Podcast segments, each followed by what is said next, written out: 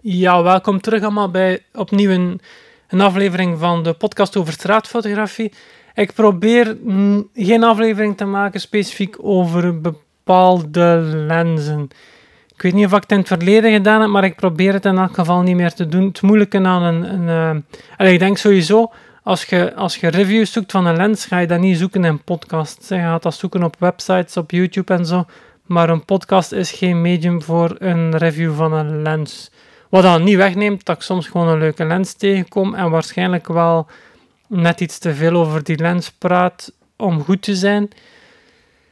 De aflevering van vandaag gaat over macrofotografie, dus er zal ook wel wat over lenzen gesproken worden. En dan heel specifiek macrofotografie binnen het Fujifilm-ecosysteem. Ik heb zeker al een video gemaakt. Ik weet niet of ik er ook een podcastaflevering rond gemaakt heb, maar ik heb zeker al een video gemaakt waarbij dat ik zo de goedkoopste optie om, um, om macrofotografie te doen met het Fujifilm systeem. Eigenlijk, um, er zijn een aantal opties. Je kan bijvoorbeeld een heel vreemde optie is een 16 mm 1.4 lens kopen. Dat is wel geen goedkope lens, denk rond de 700, 800 euro. En dat is een groothoeklens met als vreemde eigenschap dat je heel dicht op je onderwerp kunt gaan. Nu, het is een groothoek, dus het geeft een vertekening van uw beeld. En de maximumvergroting is slechts tussen naken 1 op, ik denk dat 1 op 4 is dat je dat krijgt qua vergroting. Dus dat is eigenlijk ja, een macrofoto, een, een macro lens is eigenlijk een lens die 1 op 1 vergroting heeft. Dus dat, betekent letterlijk dat je iets van 1 cm groot ook 1 cm groot afgebeeld kan worden op uw uh, sensor. Um, dat is gewoon een heel vreemde optie. Die zou ik niemand aanraden. Tenzij dat die 16. Nee, ik zou die, ik zou die optie aan één iemand aan. Of aan één type gebruiker aanraden. En dat is de gebruiker die die XF 16 mm 1.4 lens al in zijn bezit heeft. Uh, nog een optie dat ik niemand zou aanraden, eigenlijk, zelf niet mensen die bepaalde lenzen hebben, is uh, van zo, hebt zo van die filters. Vroeger had je dat toch vaak, van die filters dat eigenlijk een soort van vergrootglas. Dus dat is eigenlijk een filter dat je bovenop je, of voorop op je lens draait. En die als een soort vergrootglas werkt, waarmee dat je dan je, um, uw onderwerp gewoon vergroot en zo groot genoeg in beeld krijgt. Dat is op, op, optisch gezien is dat de minst interessante optie. Vandaar de verwarring. Omdat dat, uh, dat geeft gewoon een, een heel felle... Dat, dat is letterlijk een vertekening, een vergroting van uw beeld. Dus dat is op, optisch niet interessant. Uh, het zou wel goedkoop moeten zijn. Ik heb geen idee, ik denk eBay of zo, of, of, of ja, ik denk uh, misschien dat je bij Camera Express kunt kopen, geen idee. Ik heb dat ook nooit getest. Ik heb dat, denk ik, ik heb dat wel liggen, vreemd genoeg. Ah ja, maar ik weet, dat zat ooit eens bij een camera. Uh, bij een lens die ik tweedehands gekocht heb, zat er zo'n aantal filtertjes en dat was zo een van die filtertjes dat erbij zit. Ik heb hem nog nooit op mijn lens gemonteerd of gebruikt of getest. Maar ik heb het toevallig, uh, ik zou niet weten waar het hem ligt, maar ik heb het toevallig wel ergens liggen.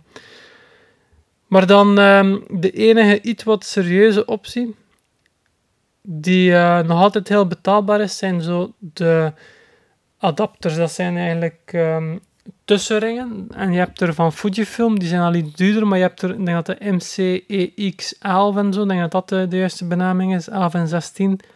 Waarbij dat 11 voor 11 mm afstand, dus de dikte van de ring, en 16 is dan 16 mm. Uh, waarmee dat je dus eigenlijk je, de, bepaal, ja, dat is gewoon een adapter. Je kunt je kunt dat op je lens draaien en dan kun je die adapter samen met die lens op je toestel draaien en dan gaat eigenlijk de vergrotingsfactor van je lens aanpassen. Dat werkt.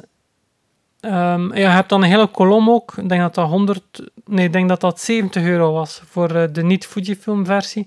De Fujifilm versie van die adapters is iets van de 200 euro. Maar um, dat werkt. En je hebt dan van Fujifilm een hele lijst van wat het effect is in vergrotingsfactor. Afhankelijk van op welke lens dat je dat eigenlijk gaat koppelen. Want je hebt dan, ik denk dat de 23 mm f2 bijvoorbeeld is een goede lens om dat dan aan te koppelen. Omdat het dan een redelijke vergroting geeft. Nog altijd geen 1 op 1, maar het lag wel in de buurt van 1 op 2 was, denk ik. Ja, ik denk dat het 1 op 2 was. Dus met de 23 mm f2 lens, ook een geen dure lens. Dus dat is een combinatie. Ik heb die getest gehad, daar, daar, daar heb ik een video over gemaakt. Maar dan bleek al snel, als ik die ook... Allee, je kunt daar effectief foto's mee maken. Maar de grote frustratie bij het gebruiken daarvan was eigenlijk dat... ehm, je moet extreem... Dus sowieso bij een, eh, een macro-lens moet je vrij dicht op je onderwerp gaan. Ook bij die 16 mm lens. De reden dat dat met die 16 mm lens gaat, is omdat je heel dicht op je onderwerp kunt gaan. En zelf bij de meeste andere lenzen, macro-lenzen, moet je vaak vrij dicht. Maar met die combinatie van die adapters moet je zodanig dicht dat je ten eerste heel weinig licht krijgt. En met zodanig dicht bedoel ik echt dat je op 5 centimeter en minder zelfs van je onderwerp foto's moet maken. Dat is echt extreem dicht. Hè.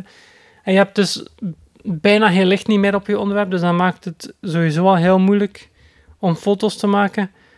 Ja, plus dan alle andere dingen die bij elke macro-lens terugkomen. Heel weinig scherpte-diepte. Je moet dus je diafragma vaak vrij dicht draaien. Uh, moeilijk om het juiste scherpstelpunt te vinden enzovoort door die weinige scherpte-diepte. Het werkt, maar ik vond het zelf... Het is leuk om een keer te proberen, maar ik vond het zeker niet iets wat je dagelijks kunt gebruiken. Vooral omdat je er zodanig dicht op moest werken, dat eigenlijk je licht... Uw licht van uw onderwerp weggenomen wordt. Dus het is een beetje zoals als je met, met je smartphone een foto maakt. Je kunt daar vaak heel dicht mee bij je onderwerp gaan.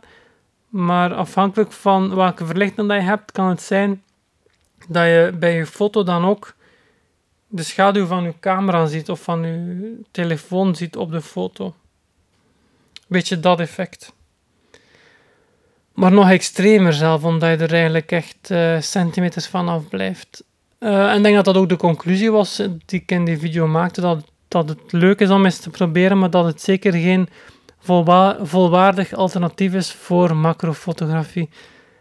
Denk bij Fujifilm de enige echte opties voor echte macrofotografie, of voor toch iets van macrofotografie, naast die 16 mm als je die toevallig al hebt, zijn eigenlijk, je hebt eigenlijk twee lenzen die bij Fujifilm echt macro lenzen zijn. Je hebt de 60 mm en dat is een 2.4 maximale opening, macro lens.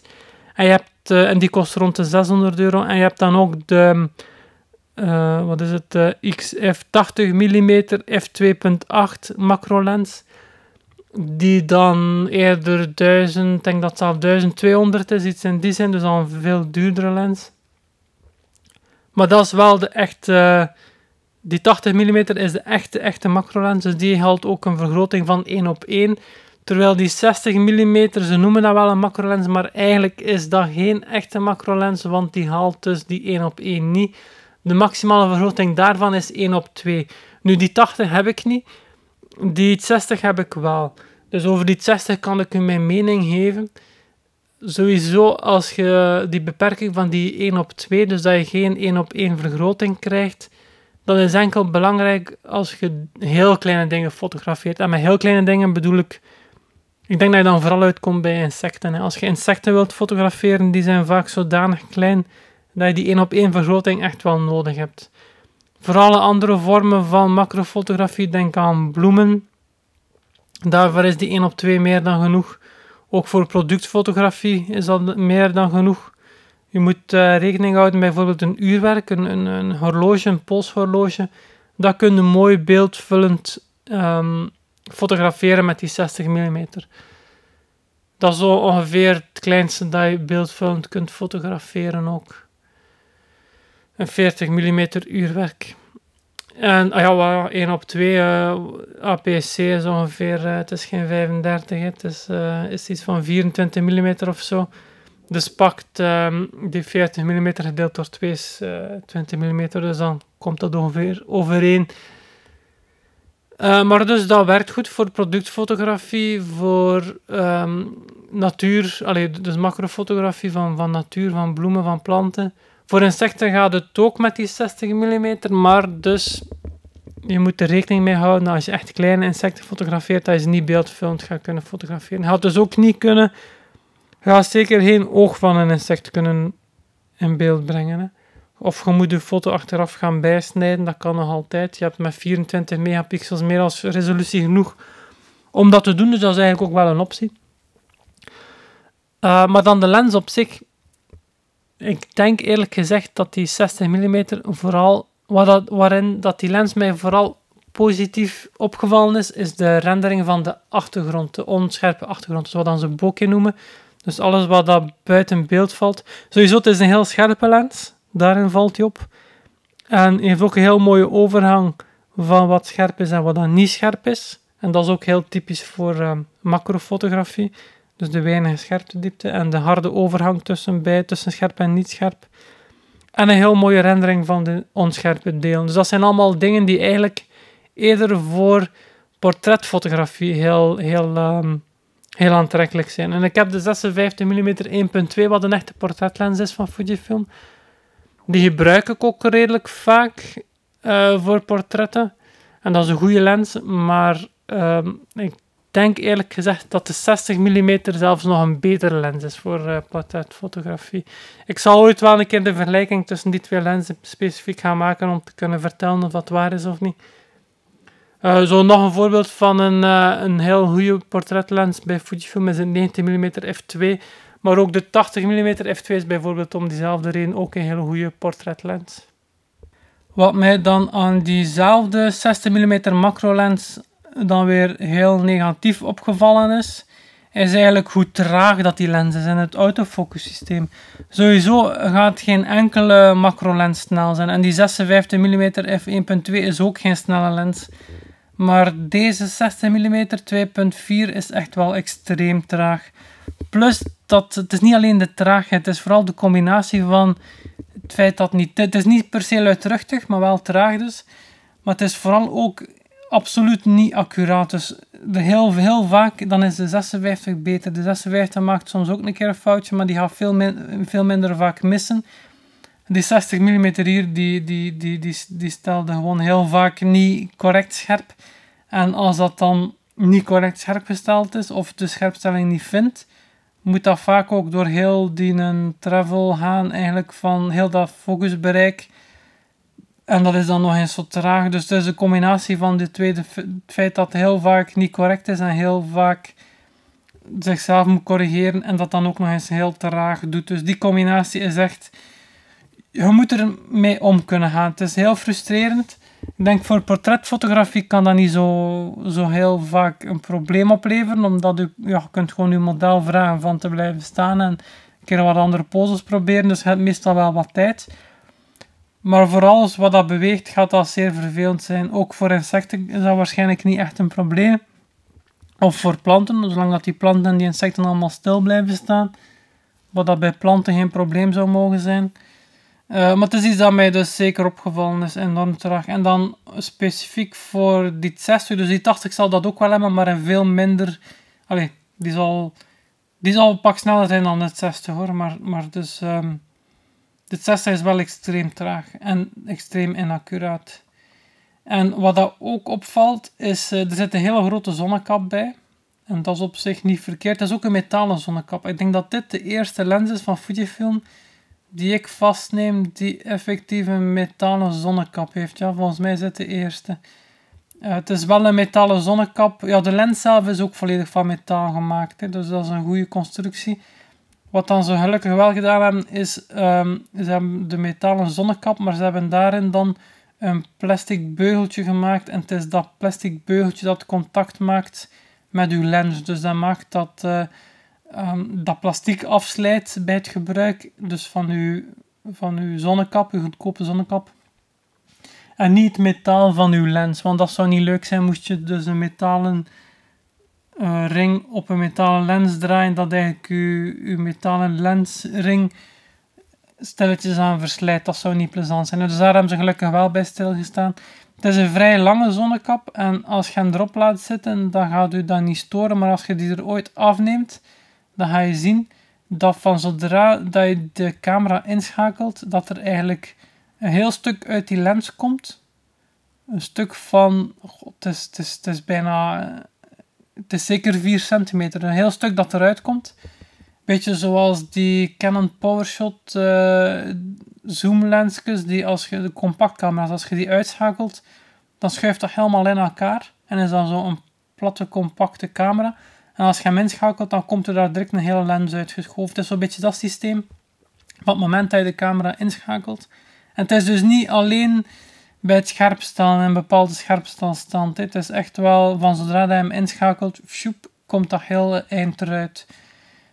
Uh, ik heb de exact dezelfde ervaring trouwens met de lens die ik ook nog maar heel recent um, er, ja, erbij gekocht heb. Omdat ik, uh, maar dat had ik er alleen maar bij gekocht omdat maar, uh, het was nog geen, geen geen 100 euro extra. Dus dat heb ik er in een kit bij gekocht. Dat was de 15 tot 45 mm, 3,5 tot 5,6 is denk ik een nieuwere XC. Dus wel geen XF, maar een XC-lens van Fujifilm. Die heeft datzelfde probleem als je die inschakelt. Dus dat is een heel compact lensje. Maar van zodra dat je die inschakelt, of de camera inschakelt beter, dan vloept daar een heel stuk uit. Dus je lens in gebruik is veel groter. Um, die 1545 trouwens, als we het dan toch daarover hebben, blijf er alsjeblieft van weg, tenzij dat je een heel compacte uh, lens wilt voor een automatische, allee, voor, om te fotograferen met automatische instellingen. Optisch is dat geen slechte lens, maar uh, die heeft dus het feit dat als je hem inschakelt dat hij verdubbelt in grootte. Die heeft geen diafragma wat dat voor mij al een no-go is. En uh, nog een heel vervelend ding, het is een zoomlensje, maar er zit uh, er zit geen echte klassieke zoomring op. In de plaats daarvan, dus typisch een zoomring, als je eraan draait, dan zoomt je lens in of uit en dan beweegt je de elementen, dan wordt die lens groter of kleiner, de brandpuntsafstand langer of korter. Maar wat er daar gebeurt, dat is eigenlijk een soort van schakelaar, die ring die daarop zit. Dus je kunt die een korte slag naar links of een korte slag naar rechts bewegen. En dat is eigenlijk, dat is echt gewoon een schakelaar, kort links, kort rechts. Dus geschakeld echt op die manier. En dat geeft gewoon een signaal aan de body die dan uh, de lens eigenlijk uh, in of uitzoomt digitaal met een motorke. Dus een, een heel vreemde ervaring die weinig met het zoomen op een uh, spiegelreflex of een systeemcamera, ja, die dus weinig te maken heeft met de zoomervaringen op alle andere lenzen van Fujifilm. Ik geef het maar even mee, die 1545. Als je daaromheen kunt kijken, ja, het is een lichtlensje. Het is ook van plastic gemaakt. Het is een XC-versie, dus het is net als de XC, wat is het, uh, eh, 18 tot 50 zeker. Of 16 tot 50, een zoomlens. Maar die heeft dan wel die, um, die gewone zoomring.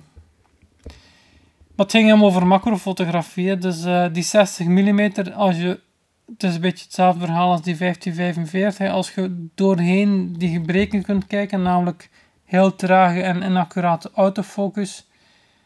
Ik denk dat dat het voornaamste probleem is. Uh, dan, uh, dan is dat een heel toffe macro lens. Uh, maar ik denk iedereen die professioneel met macrofotografie bezig is binnen Fujifilm systeem zal sowieso met veel plezier het dubbele uitgeven om de 80 mm 2.8 macro lens aan te kopen. Wat dat wel een pareltje van een lens is, wat dat niet alleen optisch heel sterk is, wat die 60 ook is, maar die ook nog eens qua afwerkingsniveau en qua gebruik ook allemaal een pak, um, een pak hoger ligt. Zo, dat was het voor uh, deze aflevering. Bedankt opnieuw voor het luisteren en heel graag tot binnenkort, tot een van de volgende afleveringen. Waarschijnlijk niet zozeer over materiaal. Ik probeer niet te veel afleveringen te maken die over materiaal spreken. Ik probeer meer te praten over um, mijn um, fotosessies, mijn fotografie sessie ervaringen eigenlijk. Ik denk zo mijn straatsessies, ik denk dat dat, dat vaak daarover gaat. Of over bepaalde opnametechnieken of, of dat soort dingen. Maar zo weinig mogelijk over materiaal. Ook al besef ik heel goed dat het vandaag een uitzondering was dat ik toch wel heel veel over materiaal gesproken heb. Maar dan met de insteek om een idee te geven wat dan de opties zijn voor macrofotografie binnen het Fujifilm ecosysteem. Zo, bedankt voor het luisteren en graag tot, uh, tot de volgende keer.